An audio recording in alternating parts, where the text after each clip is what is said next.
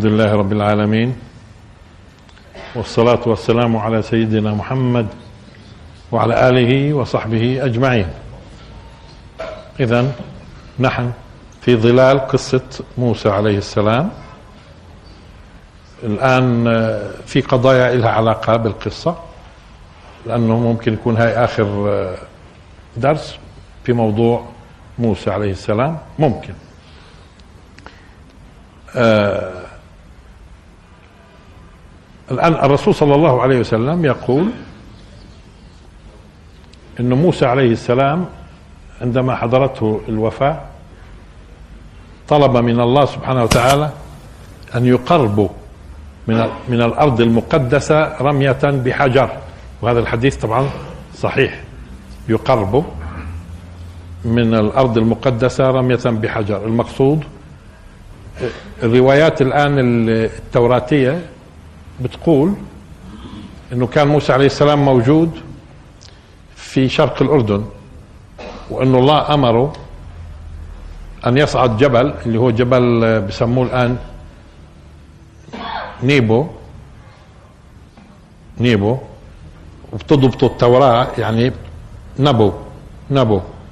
لكن يبدو الآن بسموه جبل نيبو. هذا الجبل يطل على آه، الضفة الغربية. يطل. له إطلالة ومع أنه هو يعني ما بزدش عن 700 آه، متر ارتفاعه. أقل شوي إلا أنه مطل إطلالة على مساحات شاسعة آه، سواء كان فيما يتعلق بالضفة الغربية أو الجنوب يعني أو الشمال حتى لبنان جبالها إلى آخره. له إطلالة الجبل.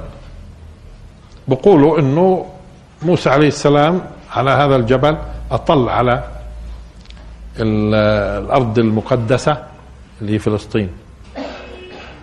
ولأن الله سبحانه وتعالى لم يأذن له أن يدخلها. طبعا هو لما تقرأ أنت ليش ما أذنلوش؟ بتجد وكانه لأمر اقترفه هارون فمنعهم. وهذا كلام طبعا غير صحيح. لله حكمة أنه ما دخلش هو وهارون. آه ولكن الرسول صلى الله عليه وسلم عم بيقول أنه عندما حضرته الوفاة والآن المسألة تتعلق بنبأ غيبي يتكلم نبي إنه إنه موسى عليه السلام طلب أن يقرب من الأرض المقدسة رمية بحجر.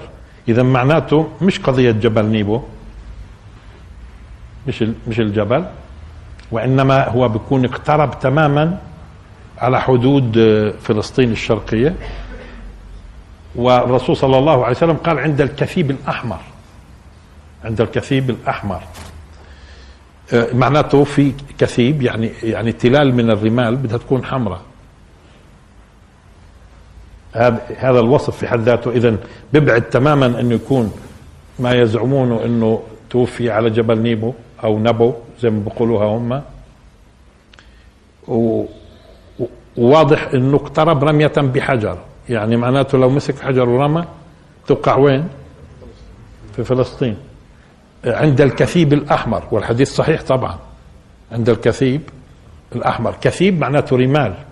تلال من الرمال حمراء. مثل هذه الوصف في حد ذاته. ما أظن إنه القصد يعني ان نستدل على قبر موسى عليه السلام بقدر ما هو آه، إبطال لمزاعمهم أين هو؟ لا هو اقترب من الأرض المباركة ومات في مكان ما. واصلا الكثبان الكثبان هي بتتحرك طالما رمال وعبر السنين الطويلة بتتحرك. ولذلك المسألة مش مسألة بيعطينا وصف للمكان بقدر ما هو لا. يقول هو في منطقة رملية على بعد رمية بحجر من الأرض المقدسة ولم يدخلها. ولم يدخلها. إيه، بعض الناس حاول حاول يحدد المناطق اللي ممكن تكون هذه صفاتها. يعني رمال وحمراء. في منطقة إيش؟ منطقة شرق الأردن. محاذية للنهر يعني أو مش بالضرورة النهر. مش بالضرورة النهر لأنه في عندنا برضه وادي إيش؟ وادي عربة مش هيك؟ يعني في في فاصل ما فيش نهر ولا بحر اللي هو منطقة وادي عربة وبهمناش الآن هذا الكلام كثير بس هذا جيد إنه لفتنا الانتباه له لأنه الملحوظ إنه اليهود والنصارى كثير ما بيزعموا مزاعم في مناطق إنه هنا ولد المسيح هنا حصل كذا هنا حصل كله كلام لأنهم بيعرفوا العقائد دائما العقائد اللي, ما عندهاش البراهين على صدقها وأنها لها علاقة بالوحي بتحاول إنها تجعل الناس يتمسكوا بالوثنيات لأنه الناس أصلا حسيين حسيين. فبدهم يوجدوا لهم أماكن. حتى لو كان غير صحيح. هنا ولد المسيح. هنا حصل كذا. هنا على فكرة في العين هذه العين المية في المسجد بقولوا بقولوا إنه المسيح عليه السلام كان جاي من الناصرة مع أمه مع أمه كان ولد شرب كمان. طيب. آه كان ولد صغير آه آه جاي أمه على منطقة بيت لحم كان في إحصاء الرومان بيعملوا إحصاء سكاني. فضاع في المنطقة من أمه. يعني موجود قصة ضيع إنه وبحثوا عنه. وين كان جاي؟ جاي هون في عند العين. يشرب. آه عند العين هون المسجد هذا. تمام؟ آه ولذلك كانوا يجوا مرات السياح. بس هل يعني دقيق المسألة؟ هل دقيق المسألة ممكن من ألفين سنة نقدر نحدد بهذه الطريقة؟ الطريقة ولذلك بتلاحظوا مثلا لما بيجوا اليهود بيقولوا هذا قبر رحيل وضروري يعني يكون قبر رحيل طب ما هو يعقوب عليه السلام 1800 قبل الميلاد. وهي كمان 2000 هي 3800 طيب ومرت عصور. يم عرفتوا إنه راحيل زوجة آه، يعقوب عليه السلام أم يوسف. هذا قبرها يعني؟ أنتم بتتوقعوا هذا قبرها يعني؟ هذا كلام هذا كلام. إحنا في عصور التخلف لما تخلفنا رجعنا شوية وثنيين بمعنى إذا بتلاحظوا الآباء والأجداد صاروا يخترعوا. هنا هنا النبي كذا وهنا النبي كذا وهنا النبي كذا وهنا النبي كذا وهذا الولي الفلاني وهذا الولي الفلاني والتفاصيل هذا في عصور إيش؟ عصور الانحطاط وتحول الناس للوثنيات وكأنه يا سبحان الله الناس بيحبوا هيك. آثار ولو كذبوا عليهم إنه يستشعر اتجاه هذه الآثار شيء. واليوم في كثير من القصص اللي تروى أنبياء وهذا المكان واجى النبي هون وقعد هذا كلام كله كلام كله كلام. لأنه أصلا مرت على المنطقة مر أزمان طويلة ما كانش في ناس مؤمنين به حتى يقولوا والله هون قبر رحيل ولا هون قبر فلان. أما يرجح إنه يكون مثلا في الخليل إبراهيم عليه السلام مدفون طبعا. لذلك بعض علماء المسلمين بيقول لم يصح أصلا في التاريخ إيه، إلا قبر الرسول صلى الله عليه وسلم لأنه بنعرف إنه من وقت ما توفي الرسول صلى الله عليه وسلم إلى يومنا هذا لم تخلو المدينة من ساكن لم تخلو المدينة من ساكن خلاص ثابته المسألة لأنه مسكونة ما صارش انقطاع زي ما يصير في قضية يعقوب. واصلا يعقوب سافر إلى مصر وقعدوا 450 سنة رجعوا وعرفوا وين قبر رحيل. ثبتوا كيف؟ لكن إنه الرسول صلى الله عليه وسلم مدفون في المدينة معروف. ليش؟ لأنه آه، من من وقتها للان لم تخلو المدينة من ساكن مسلم. مش يقول هذا قبر الرسول صلى الله عليه وسلم. ثم يأتي بالدرجة الثانية المغارة التي دفن فيها إبراهيم عليه السلام. طبعا أنتم بتعرفوا الحرم الإبراهيمي اللي بتشوفوها هاي زي قبور فوق السطح في الداخل. هذا مش قبور. هذه مجرد كلام يعني محطوط. لو قبعتها أنت فيش شيء بلط لأنه هو تحت موجود إيش؟ المغارة الضخمة اللي ممكن دفن فيها إبراهيم عليه السلام. ومين كمان بتلاحظوا إنه دفن فيها؟ يوسف. طب يوسف توفي في مصر. شوية لحظة توفي في مصر. ممتاز. طب ليش موجود هون؟ مش مش موجود قبر يوسف في الخليل؟ طيب موجود. موجود ولا لا؟ آه في ضريح ليوسف. ممتاز. طب وقبر يوسف اللي في نابلس؟ آه هذا قبر يوسف. لا انت أنت بس قولوا وين بدكم؟ إن شاء الله مليون يوسف. مستعدين اليهودي خلص انتهى هذا قبر يوسف. وبيكفي مرات تشابه الأسماء. لما تقول مغارة سليمان واللي هي منسوبة لسليمان القانوني العثماني خلاص بصير سليمان الأولاني. المهم سليمان بأي طريقة كانت؟ بأي طريقة كانت؟ يعني هذه الصلبة وارده وكثير كما قلنا عند أهل الكتاب هؤلاء مشان بس يوجدوا لهم هلمة هاي. كل, كل ناس على فكرة كل طائفة بتلاقي لها محل معين. اللي المهم يجوا الناس ويدقوا فيها الإحجار. مش قضية. بالنسبة لنا لا هذا كلام كله كلام ولا يثبت منه شيء. اذا يوسف موجود وين؟ مدفون في الخليل. وموجود برضه في نابلس قبر يوسف. قال ويوسف عادي هذا شخص اللي في نابلس. هذا شخص معروف قصته يوسف اللي موجود في نابلس. ها؟ طيب. و أما طيب طيب ممكن يكون يوسف عليه السلام فعلا نقلت جثمانه إلى هون؟ في حديث نعم. في حديث شريف إنه بني إسرائيل قبل ما يخرجوا من مصر مش هيك كان موصي كان موصي يوسف أن ينقل جثمانه ويدفن مع آبائه يعني إبراهيم ويعقوب إلى آخره ويبدو إنه يعقوب نقل كمان هنا. يعني إحنا بنعرف إنه يعقوب دخل صح. بس مش معناته مات في مصر ندريش. لكن يوسف مات في مصر. وعلى مبدأ أنه يوسف موته كان إشي فيه غموض. يعني قد يكون اغتيال قد قد قد. ليش؟ لأن الله سبحانه وتعالى قال حتى إذا هلك. إذا استخدم تعبير هلك. وطالما إنهم كانوا في شك بعض فئات المجتمع فممكن تآمروا عليه ممكن قتل ممكن سم ممكن. المهم حتى إذا هلك على كل الهلاك هو الموت قبل الأوان. أو قبل الأوان إيش يعني؟ في منظارنا إحنا كبشر. بمنظارنا إحنا كبشر بشكل عام. حتى إذا هلك آه، فما زلتم في شك مما جاءكم به مش هيك؟ حتى إذا هلك قلتم لا يبعث الله من بعده رسولا. آه هذا لما كان يتكلم مؤمن آل فرعون مع الفراعنة في الموضوع. آه طيب كان موصي. ولذلك يقال في الحديث اللي ورد في الحديث عفوا إنه سأل موسى عن مكان القبر فقالوا له ما فيش حدا بيعرف إلا امرأة عجوز عجوز. فهذه المرأة العجوز رفضت إنها تدل على المكان حتى آه، آه، يشهد لها موسى إنها تكون معاه في الجنة. فأوحى له الله إنه يعني ما أيوه أعطيها هذا. شوفوا شو سؤالها انه إنه إيش؟ تكون معاه في الجنة. فدلت على مكان ويبدو ان المكان صار في مكان مغمور بالمياه. استخرجوا القصة إذا بتقول الواردة كحديث. استخرجوا جثمانه وجاءوا به إلى فلسطين. فمفهوم أنه مدفون في الخليل بس هو اللي في نابلس مين؟ آه، إلى آخره. تمام؟ زي قضية رأس الحسين. قال يعني الحسين لما قطع رأسه في كربلاء. كيف بتلاقي في له راس في في المسجد الأموي في منطقة بسموها رأس الحسين.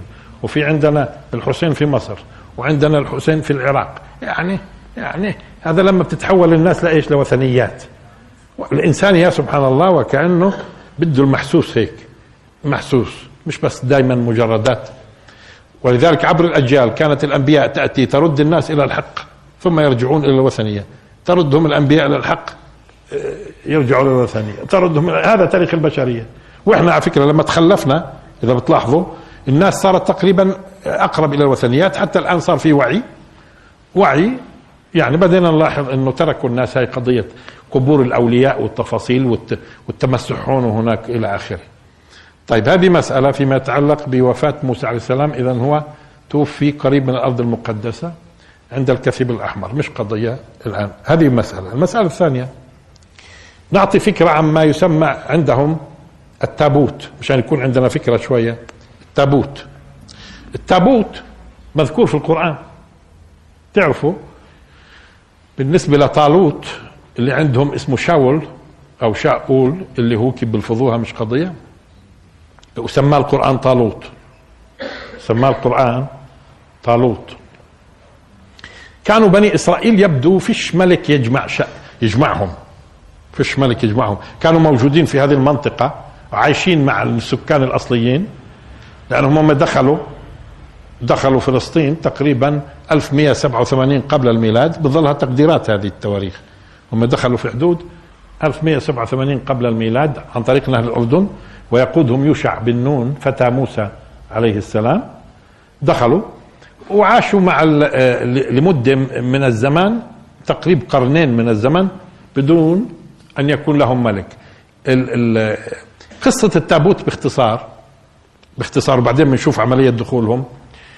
التابوت هو عبارة عن آه، طبعا صندوق خشبي مصنوع من خشب آه، في غاية الصلابة والقوة اللي بسموه خشب الصنت بيشبه الزان وأقوى. آه ماشي. آه وكان مذهب مذهب هذا التابوت.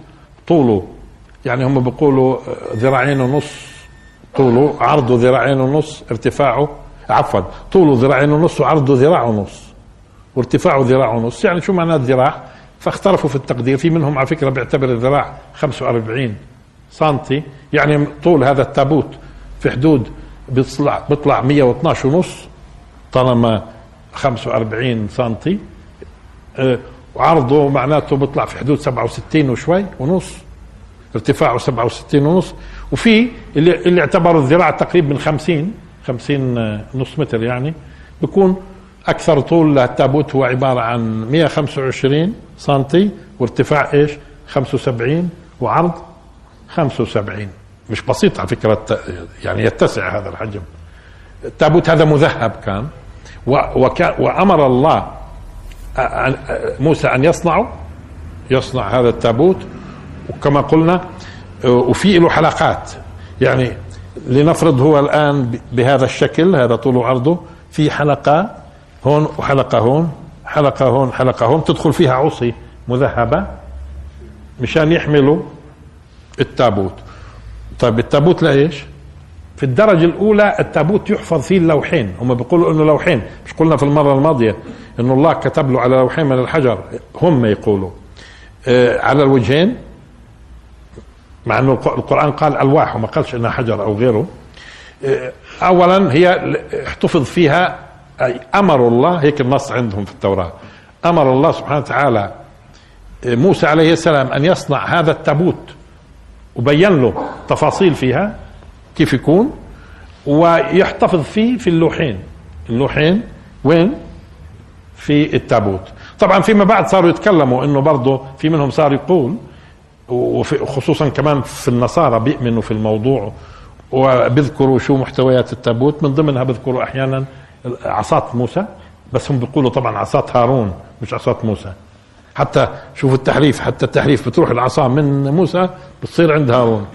ثم إيه، في هيك آه، يعني زي علبة نقول موجود فيها المن.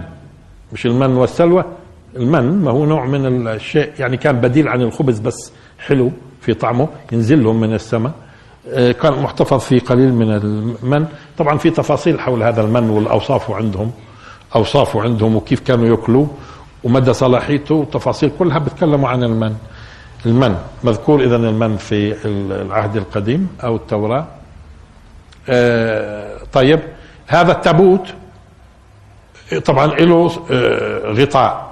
غطاؤه عليه تمثالين من الملائكة موجهين لبعضهم البعض. تمثالين من الملائكة موجهين لبعضهم البعض. هذا الآن نتوقف هون شوي قبل ما نكمل شوي في التابوت. القرآن أشار لموضوع التابوت. في قصة طالوت لما قال إن آية ملكه هم الآن على فكرة كانوا مهزومين أمام أعدائهم. بدهم حدا يوحدهم ويقودهم. فطلبوا من نبي من أنبيائهم إنه الله سبحانه وتعالى يبعث لهم ملك. فشو شو كان رد النبي فيما بعد؟ إنه الله سبحانه وتعالى جعل لهم ملك مين؟ طالوت. طبعا هم في البداية يعني استكبروها. طالوت أن يكون له الملك علينا ونحن أحق بالملك منه ولم يؤت مش غني. لكن الله سبحانه وتعالى قال لهم إنه الله زادوا بسطة في العلم والجسم والجسم بوقتها بلزم شوف القيادات ديروا بالكم مرات إذا علم وجسم طبعا بيكون فعال أكثر فهون والناس لأنها وثنية بدها جسم برضه كثير من القادة الناجحين في التاريخ برضه بيكون يعني لأنه الناس بدها آه تستكبرها. آه آه هون آه آية ملكه العلامة اللي بتدل على إنه الله اختاره إن آية ملكه أن يأتيكم التابوت. ليش هو؟ وين كان التابوت؟ كان التابوت مخذينه أعدائهم هم بسموهم فلسطينيين. هم بسموهم فلسطينيين. كان الفلسطينيين أعدائهم ماخذين التابوت لمدة سبعة أشهر سبعة أشهر آسرين التابوت هازمينهم في معركة وماخذين التابوت ومحتفظين فيه. بعد سبعة أشهر هذول الفلسطينيين اللي أبصر شو كان اسمهم آآ آآ في الأخير تخلصوا من التابوت. مش مهم عندنا كيف تخلصوا ورجعوا لبني إسرائيل بدناش القصة يعني. ليش تخلصوا منه؟ لأنه بدوا يشعروا إنه وجود التابوت بينهم مصيبة من المصائب لأنه في ضربات كانت تجيهم. وين ما يروحوا في التابوت تجيهم ضربات في المكان اللي يكون فيه. الناس تصاب بأمور من ضمنها مثلا آه، مدينة بكاملها تصاب بالبواسير. تفضلوا بواسير كله. ماشي.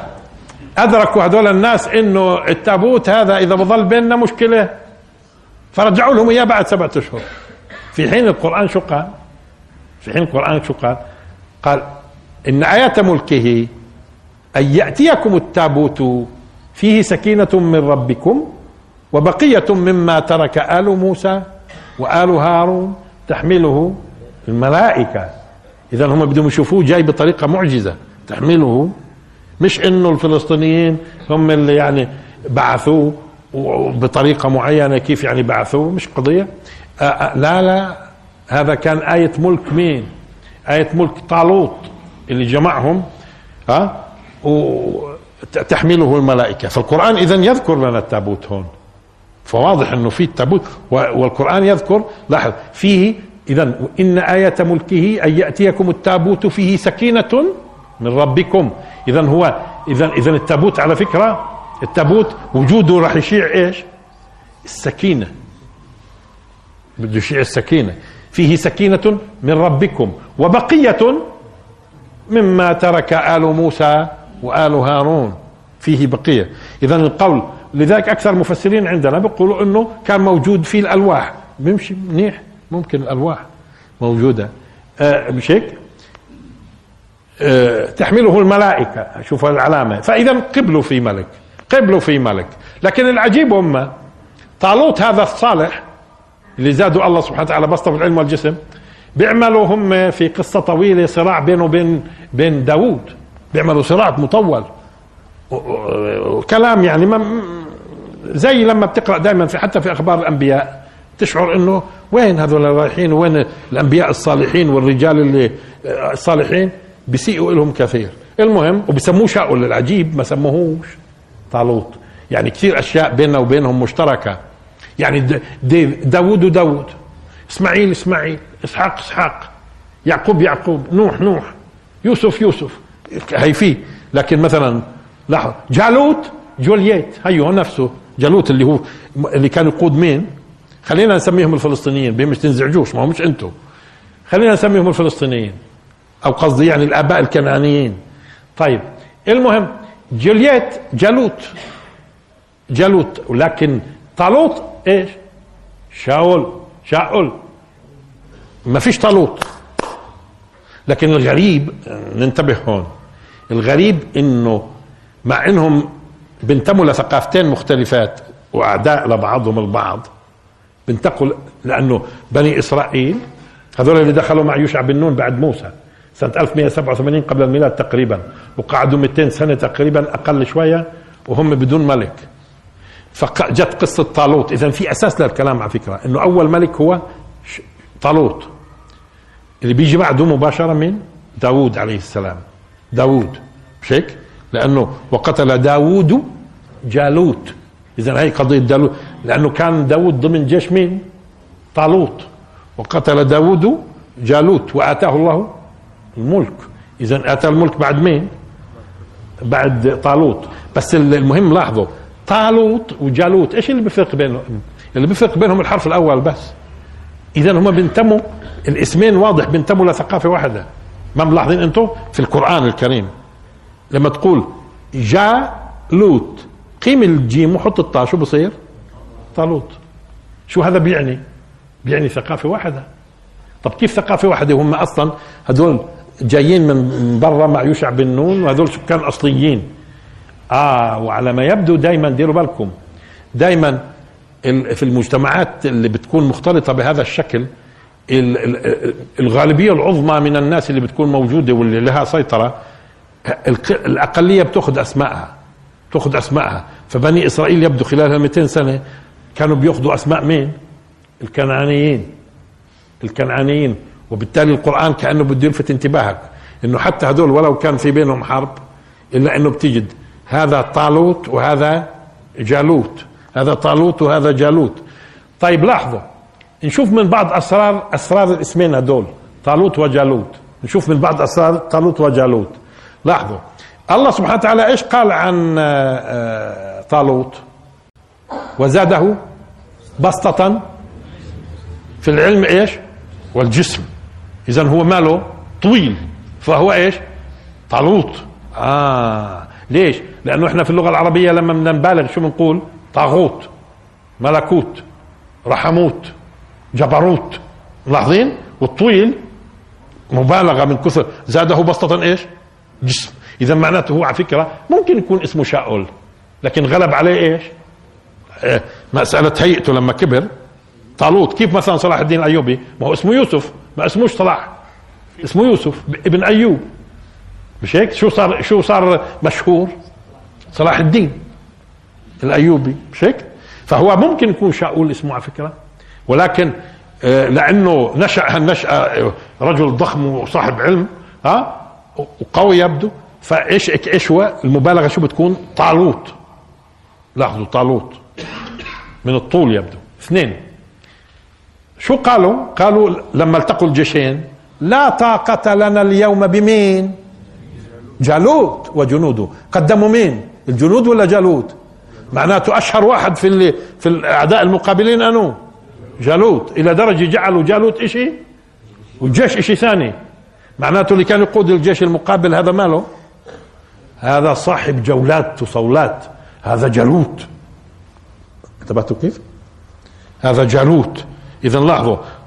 طالوت بسطة في الجسم والعلم يقابل مين؟ جالوت اللي هو صاحب إيش؟ الجولات والصولات في الحرب جالوت. آه, آه، التقوا. فلاحظوا كيف القرآن ممكن يشير لمسائل بديش أوقف كثير عندها هاي مهمة. كيف صارت إنه الأسماء الأسماء منتمية لثقافة واحدة؟ والأوصاف هذه أوصاف يبدو لثقافة واحدة. هذا لأنه أصلا الثقافة اللي كانت سائدة هي ثقافة الكنعانيين. وكانوا القادمين مجرد قادمين جداد على البلاد.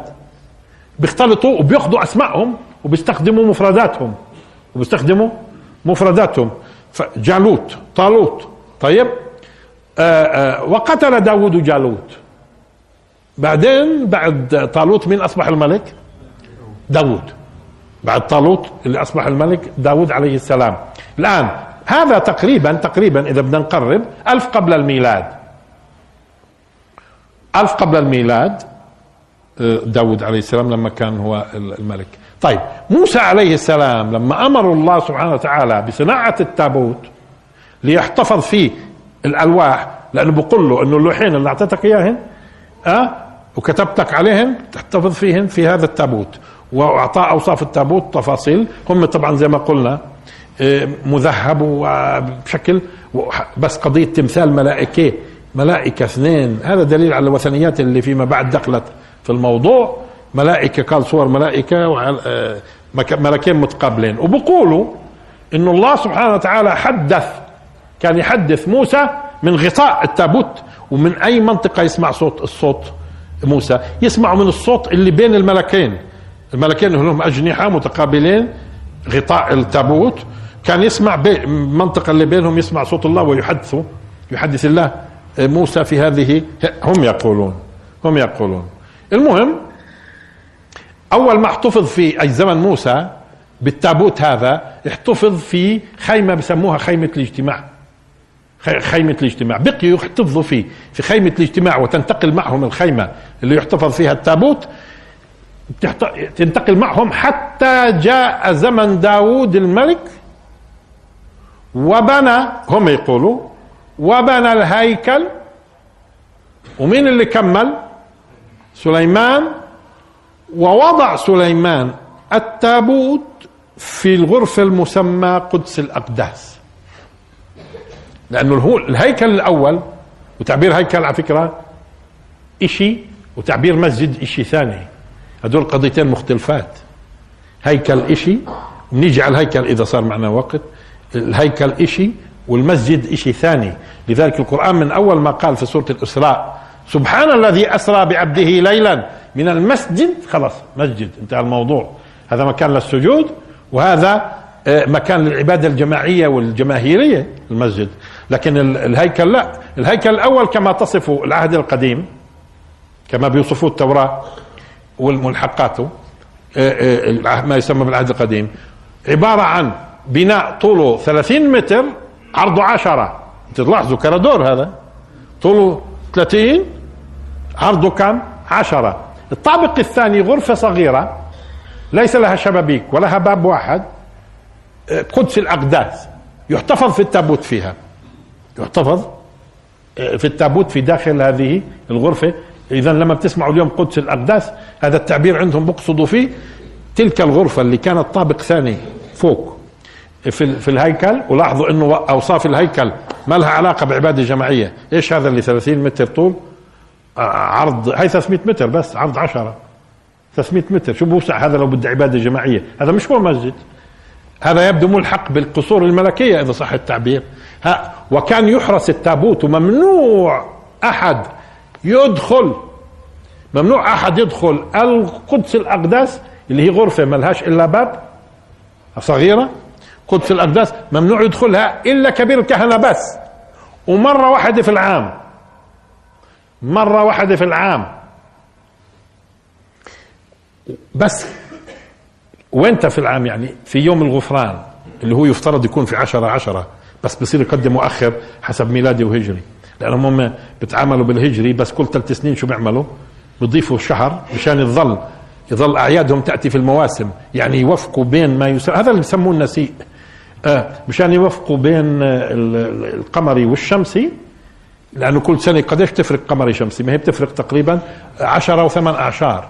عشرة وثمان أعشار بتفرق أيام الأيام.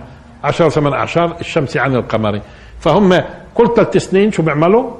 آه بس هو أصلا عيد الغفران يوم الغفران في عشرة عشرة هو ممكن تقرأوا أنتم طبعا في تعبيراتهم في داخل هم ما بيقولوا لك 10 10 هم بيقول لك 10 7 بس لازم دائما تضيف ثلاث أشهر حتى تعرف شو معنات سبعة. هذا يعني لازم كل واحد متخصص. يعني ممكن يقرأ واحد يقول طب هم كاتبين هم إنه يوم الغفران في 10 7 لا ما هو ما بيبدوش بواحد اللي عندك هم. هم بيبدوا بأربعة. ولا بالكم السنة المالية وشهر أربعة ليش هاي؟ هاي ما ما ما مأخوذة منهم لها اصل أصل توراتي. مش هيك؟ ولا بطلوا شهر أربعة الآن السنة المالية أولها. ولا هي؟ زمان أيام الأردن كانت هيك بهالطريقة هاي. مش هيك؟ آه فهون يعني دائما لما أقول لك سبعة ضيف ثلاث شو بصير؟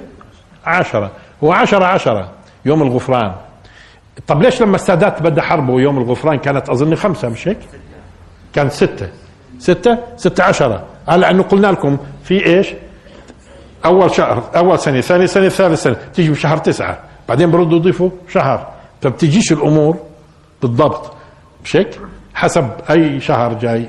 طيب في يوم الغفران بدخل كبير الكهنة. وعارفين شو كانوا يعملوا فيه؟ مرة واحدة إذا مع ممنوع أي أحد يدخل إلا كبير الكهنة. ومرة واحدة في العام كانوا يربطوه بحبل. ليش؟ لأنه هم بيوصفوا إنه التابوت كانت له مخاطر أحيانا. كانت ولذلك في ناس الآن من اللي قال بدرسوا قال بقول ممكن يكون معناته كاين فيه مواد مشعة أو شيء بقتل لأنه هم بيرووا روايات كثيرة عن عن التأذي ممن يقترب منه أو ينظر إليه وتفاصيل. في تفاصيل في الموضوع فكانوا يربطوا كبير الكهنة بحبل وبعدين مشان إذا ما تشدوه يعني ولا بيقدروش يدخلوا أصلا. ما بصيرش حدا يدخل إلا كبير الكهنة. طب وإذا كبير الكهنة مات؟ جوا عند التابوت مثلا أه, أه؟ خصوصا بجوز كبير الكهنه يكون مش مش صالح. التابوت شو يعمل فيه؟ المهم. فمربوط في حبل يجروه. اذا إذا مات. إذا مات. هذا التابوت له قصص طويلة عندهم وإيش عمل في الناس وإيش عمل في الأعداء. ولكن شو بيعني التابوت عندهم؟ وما فيه من محتويات. بيعني بيعني إنه الله ساكن بينهم. الله حاضر عندهم. هذا عهد بينهم وبين لأنه أصلا الالواح الألواح اللي تحتفظ في في داخله اسمها آه، آه، لوح لوح يعني آه، اللوحين هذول ألواح الشهادة. الشهادة بينهم بين الخالق. ولذلك التابوت يسمى تابوت الشهادة لأنه يحتفظ فيه بالألواح الشهادة. يسمى تابوت الرب. يسمى تابوت عهد الرب. تابوت العهد. تابوت العهد. تابوت الرب. تابوت الشهادة. يعني إيش؟ هذا التابوت كأنه عقد بينهم وبين الله. كأنه عقد بينهم وبين الله. ويعبر عن حضور الله الذي حضر في الجبل في سينا هو طالما التابوت موجود معناته الله حاضر. الله الله اذا هو بين شعبه. لأنهم بيعتبروا حالهم شعب الله المختار. تمام؟ فبوجود التابوت معناته تمام الأمور. آه وبالتالي هو من أقدس من أقدس المقدسات عند اليهود اللي هو موضوع إيش؟ التابوت موضوع التابوت من أقدس المقدسات الآن طيب التابوت وين راح؟ اذا لاحظوا قصته إنه موسى عليه السلام أمر بصناعته مشان يحتفظ فيه باللوحين ثم كان يحتفظ في هذا التابوت ويحرس في خيمة الاجتماع هم يتنقلوا ينقلوه معهم لحد ما داود عليه السلام أوجد مملكة بنى الهيكل خصيصا وغرفة قدس الأقداس سليمان اللي كمل وضع التابوت في هذا المكان. تمام؟ وكان التابوت لما بدهم لما في الحروب شو يعملوا؟ كان التابوت يتقدمهم. كان التابوت يتقدمهم. يحمل بس اللي بيحملوه كأنه بيحملهم هو التابوت. ولما يكون التابوت موجود معهم في المعارك يكونوا متفائلين بإيش؟ بالنصر. ولذلك عندهم بيقولوا لما دخل يوشع بن نون من شرق الأردن آه، آه، من أول ما جو وامامهم التابوت إيش عمل النهر؟ تماما زي ما حصل انفلاق البحر وين؟ في موضوع انفلاق البحر في قصة موسى إنه الماء أصبح آه، فتح لهم ومروا ودخلوا فلسطين وهم يحملون التابوت فهم بتفاعلوا بالتابوت وإنه الله حاضر بينهم وانه هذا العهد بينهم وبين الله فهو تابوت العهد؟ فهو تابوت العهد؟ تابوت الرب هذا؟ والله تكلم في غطائه مع موسى عليه السلام. طيب اذا هو في غاية التقديس. لما جاء نبوخذ نصر أو قبل نبوخذ نصر في له قصص موضوع موضوع آه، طويلة. التابوت وين راح؟ وين اجى مثلا في قصة بتقول عندهم في نبي اسمه أرميا إنه أرميا خبى خبى هذا التابوت في مغارة وخبى وموه موه المعالم. لأنه عندما يأتي آه، في الأخير آه، أمر الرب بيظهر التابوت. خباه النبي أرميا. بعدين نكتشف إنه مش في زمن ما يسمى بالملك يوشيا 621 قبل الميلاد يوشيا بيأمر بوضعه في مكانه. طيب ثم نكتشف لما بيجي نبوخذ نصر 586 قبل الميلاد يعني مش بعيد كثير عن يوشيا عن يوشيا الملك هذا. وهون خليني اتوقف لكم عند يوشيا شوية الملك هذا اللي هو عندهم ملك صالح. هذا الرجل هذا الرجل انتبهوا الآن لهذا الشيء اللي بيقولوه هم الشيء اللي بيقولوه هم. يوشيا الملك هذا في زمنه كانوا يعملوا تصليحات في الهيكل فبيكتشفوا سفر التثنية اللي هو السفر الخامس من أسفار التوراة. السفر الخامس من أسفار التوراة بسموه سفر التثنية أو سفر الشريعة. طيب بيجيبوه للملك. الملك يوشع لما بيقرأ إيه؟ وين إحنا؟ وين الدين؟ فيأمر بهدم الأوثان والأنصاب. يعني كانوا بني إسرائيل صاروا خلال 600 سنة مالهم بيعبدوا الأوثان وناسين الدين وضيع التوراة. لكن قال لك لا مش محرفة. إيش عرفنا إنه لقينا التوراة الحقيقية كمان؟ انت بتقولوا لقينا هيهم بيقولوا لقينا سفر التثنية. ولما لقيناه الملك صار يمزع شعره ويمزع اواعيه لأنه وين إحنا؟ وين الدين؟ وآمر بالعودة إلى الدين الصح. وإلى هدم الأوثان والأنصاب في إلى آخره. منصوص عندهم. بعد 600 سنة من موسى. بعد 600 سنة من موسى. تمام؟ كانوا صاروا بيعبدوا الأوثان. وفي يوم من الأيام عبدوا هبل. وجاء النبي إيليا اللي هو إلياس عندنا وقاوم عبادة البعل. هم كان قال لك مش محرفة. شو مش محرفة؟ ما هو أصلا اجى زمان بطلتوا تعرفوا التوراة من أصله. تمام؟ فهون بعد يوشع قديش؟ إحنا ما قدرنا يوشع 621 قبل الميلاد. 586 قبل الميلاد بيجي نبوخذ نصر. طبعا اجى أكثر من حملة نبوخذ نصر. آخر حملة دمر دمر ما يسمى بالهيكل وسبى الشعب وقتل الملك اللي اسمه صدقية. المهم ضاع التابوت. ضع التابوت. هل لأنه أحرق؟ نبوخذ نصر أحرق. هل أحرق التابوت؟ هم بيقولوا إنه يبدو بقي عصتين بس العصتين اللي بنحمل فيهن المذهبات. ثم من يومها وفي أساطير كثيرة. شو بتقول؟ لأنه لأنه الهيكل الثاني على فكرة اللي بني فيما بعد 516 قبل الميلاد. ووسع سنة 19 قبل الميلاد الهيكل الثاني. لأنه لما أجى كورش الفارسي وأنهى دولة الكلدانيين جابهم لهنا وسمح لهم يعني. ف 516 قبل الميلاد بنوا الهيكل الثاني. الهيكل الثاني بيقولوا ما كانش فيه ما كانش فيه تابوت. هو لما يكون التابوت مش موجود وضعهم صعب. لأنه التابوت شو بيعني؟ العهد بينهم بين الله وإنه الله حاضر بينهم حاضر بين شعبه وراعي شؤونهم. طيب التابوت في الهيكل الثاني ما كانش فيه تابوت. في الهيكل الثاني ما كانش فيه تابوت. من يومها هم بيبحثوا عن التابوت. في منهم من يقول. وهو هذا الآن على فكرة بيعنينا شوي إحنا كفلسطينيين. في منهم من يقول التابوت هذا في سليم في ابن سليمان من زوجته بلقيس. هي اثرته متزوجها وإحنا مش دارين من زوجته بلقيس. وبعطوه اسم طبعا. جاء من الحبشة. أبوه حاول يخليه في البلد هون. قال لا بده يرجع. فرجع. ثم كان في نوع من التآمر بينه وبين واحد ثاني أخذ معه التابوت. وأول ما راح في التابوت على مصر. لذلك في منهم من يقول هو في مصر في الكنيسة الفلانية. في كنيسة القديسة مريم إلى آخره في مصر في أما في المكان الفلاني. في منهم يقول لا أخذوا على الحبشة في مدينة أكسوم في أثيوبيا. أكسوم موجود التابوت. هذا هذا أشهر شيء على فكرة إنه ممكن موجود التابوت في مدينة أكسوم في آه، آه، مدينة قديمة أثرية في الحبشة. في منهم من يقول لاحظوا لا هذا في لا يزال في الأقصى في مكان ما مخبى تحت تحت تحت تحت في الأقصى. طبعا بحفروا هم. مش هيك؟ منهم بقول لا لا لا يبدو تحت الصخرة. بس هذه الصخرة شوفوا يعني بقدسوها المسلمين هي مشكلة. مشكلة لأنه مش رح نسمح لهم يفحصوا. موجود ولا لا؟ طب طلع مش موجود يعني. ندي لكم الصخرة يعني إلى آخره. آه، طبعا نظريات والنظريات هاي على فكرة حسب السياسة. حسب السياسة. إذا بدهم الساسة يبعدوا الموضوع ويبعدوا المشاكل بيودوها على إثيوبيا. لأنه جاهزين في كثير من علماء الآثار جاهزين وفي كثير من الكذابين. في واحد قال لك أنا شفت التابوت. في بيكذبوا. اليوم هاي الصرعات وحتى في حتى في العلم على فكرة. في منهم اليوم بزور في العلم مشان ينشهر أو يبيع وكذا يشتري في الناس وتفاصيل وشهرة علمية وتفاصيل. اليوم بزوروا في العلم في الغرب. في العلم بزوروا.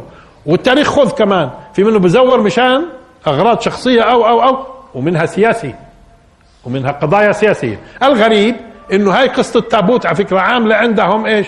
كلام طويل عريض. وين التابوت؟ هون التابوت مش هون التابوت. وجزء منهم وهذا بيكون أساسه إيش؟ أساسه سياسي.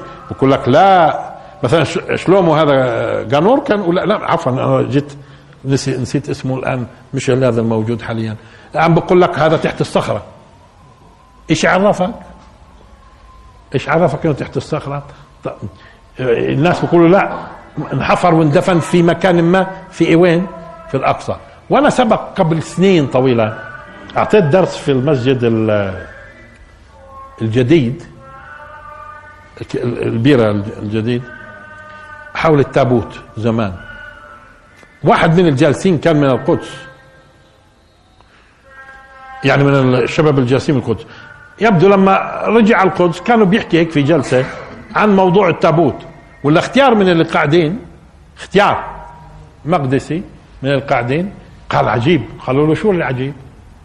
قال الأوصاف هاي اللي اللي اللي ذكرت في الدرس أنا شفت تابوت زي هذا أيام الملك حسين لما كانوا يعملوا إصلاحات ما هو الملك حسين عمل ترميمات في الأقصى في الستينات. في الستينات. عملوا ترميمات في الأقصى والصخرة وتذهيبها والتفاصيل هاي كلها. ها؟ قال العجيب إنه هذه الأوصاف التابوت اللي بتقولوا عنه إحنا شفنا منه وطلبوا منا نحفر ونحطه في محل معين. هذا أيام الأردن. يعني انتبهتوا شو القصد؟ يعني عاملين تابوت زيه دافنينه وين؟ في الأقصى. طبعا أنا كنت بتمر قديش من الستينات للآن؟ خمسين سنة مثلا مر تمرق خمسين بكرة ستين سنة بيطلعوا إشي أثري وبجوز يكونوا أصلا جايبينه من خشب أثري عاملين. مش هيك؟ يجيبوا خشب أثري والتفاصيل هيك. واليوم كيف بيعرفوا الناس؟ عن طريق مثلا الكربون 14 ممكن يعرفوا. فهم ممكن صنعوا من أصله آه، بما يطابق الأوصاف بأشياء أثرية ودسوه وين؟ في الصخرة. مشان يجي اليوم المناسب هي اكتشفناه وهي التابوت. هاي التابوت. الزلمة بيقول لك أنا أنا جابوا لنا جابوا لنا صندوق زي ما بتقولوا هذا الوصف وقالوا لنا ادفنوه. أثناء إيش؟ الترميمات في منطقة الحرم. القدس. تبعته كيف لما نقول الدين هذا ب... الدين عندهم بروح وبيجي السياسة أول. الدين وسيلة. ولذلك هيرتزل كان ملحد لكن لا بيستخدم الدين من أجل أول رئيس وزراء ملحد بنغوريون علماني. بس إيش؟ تجد أكثر كل رؤسائهم عبر العلمانيين لكن آه لكن ممكن بقول لك بنوظف الدين طالما الدين بيخدم. السياسة بيخدم السياسة فالأساطير. طيب أما هو أكيد التابوت خلص انتهى هو يعني خشب وعندنا كم سنة صارت المسألة؟ وقضية نبوخذ نصر وانتهى الموضوع وضاع وخلص بدك تلقاه اليوم انت؟ بدك تلقاه اليوم انت؟ التابوت؟ وانتهى الموضوع. في قصة آه، التابوت. هذه مسألة اذا لها علاقة بموضوع موسى. وبتخصكم وراح تسمعوا فيها كثير. راح تسمعوا فيها كثير التابوت. هم عندهم يعني بيحكوا فيه بيحكوا دوره هون هون هون. الأخير بلقوه وين بلقوه محل ما دفنوه آخر دعوانا. الحمد لله رب العالمين. وبارك الله فيكم.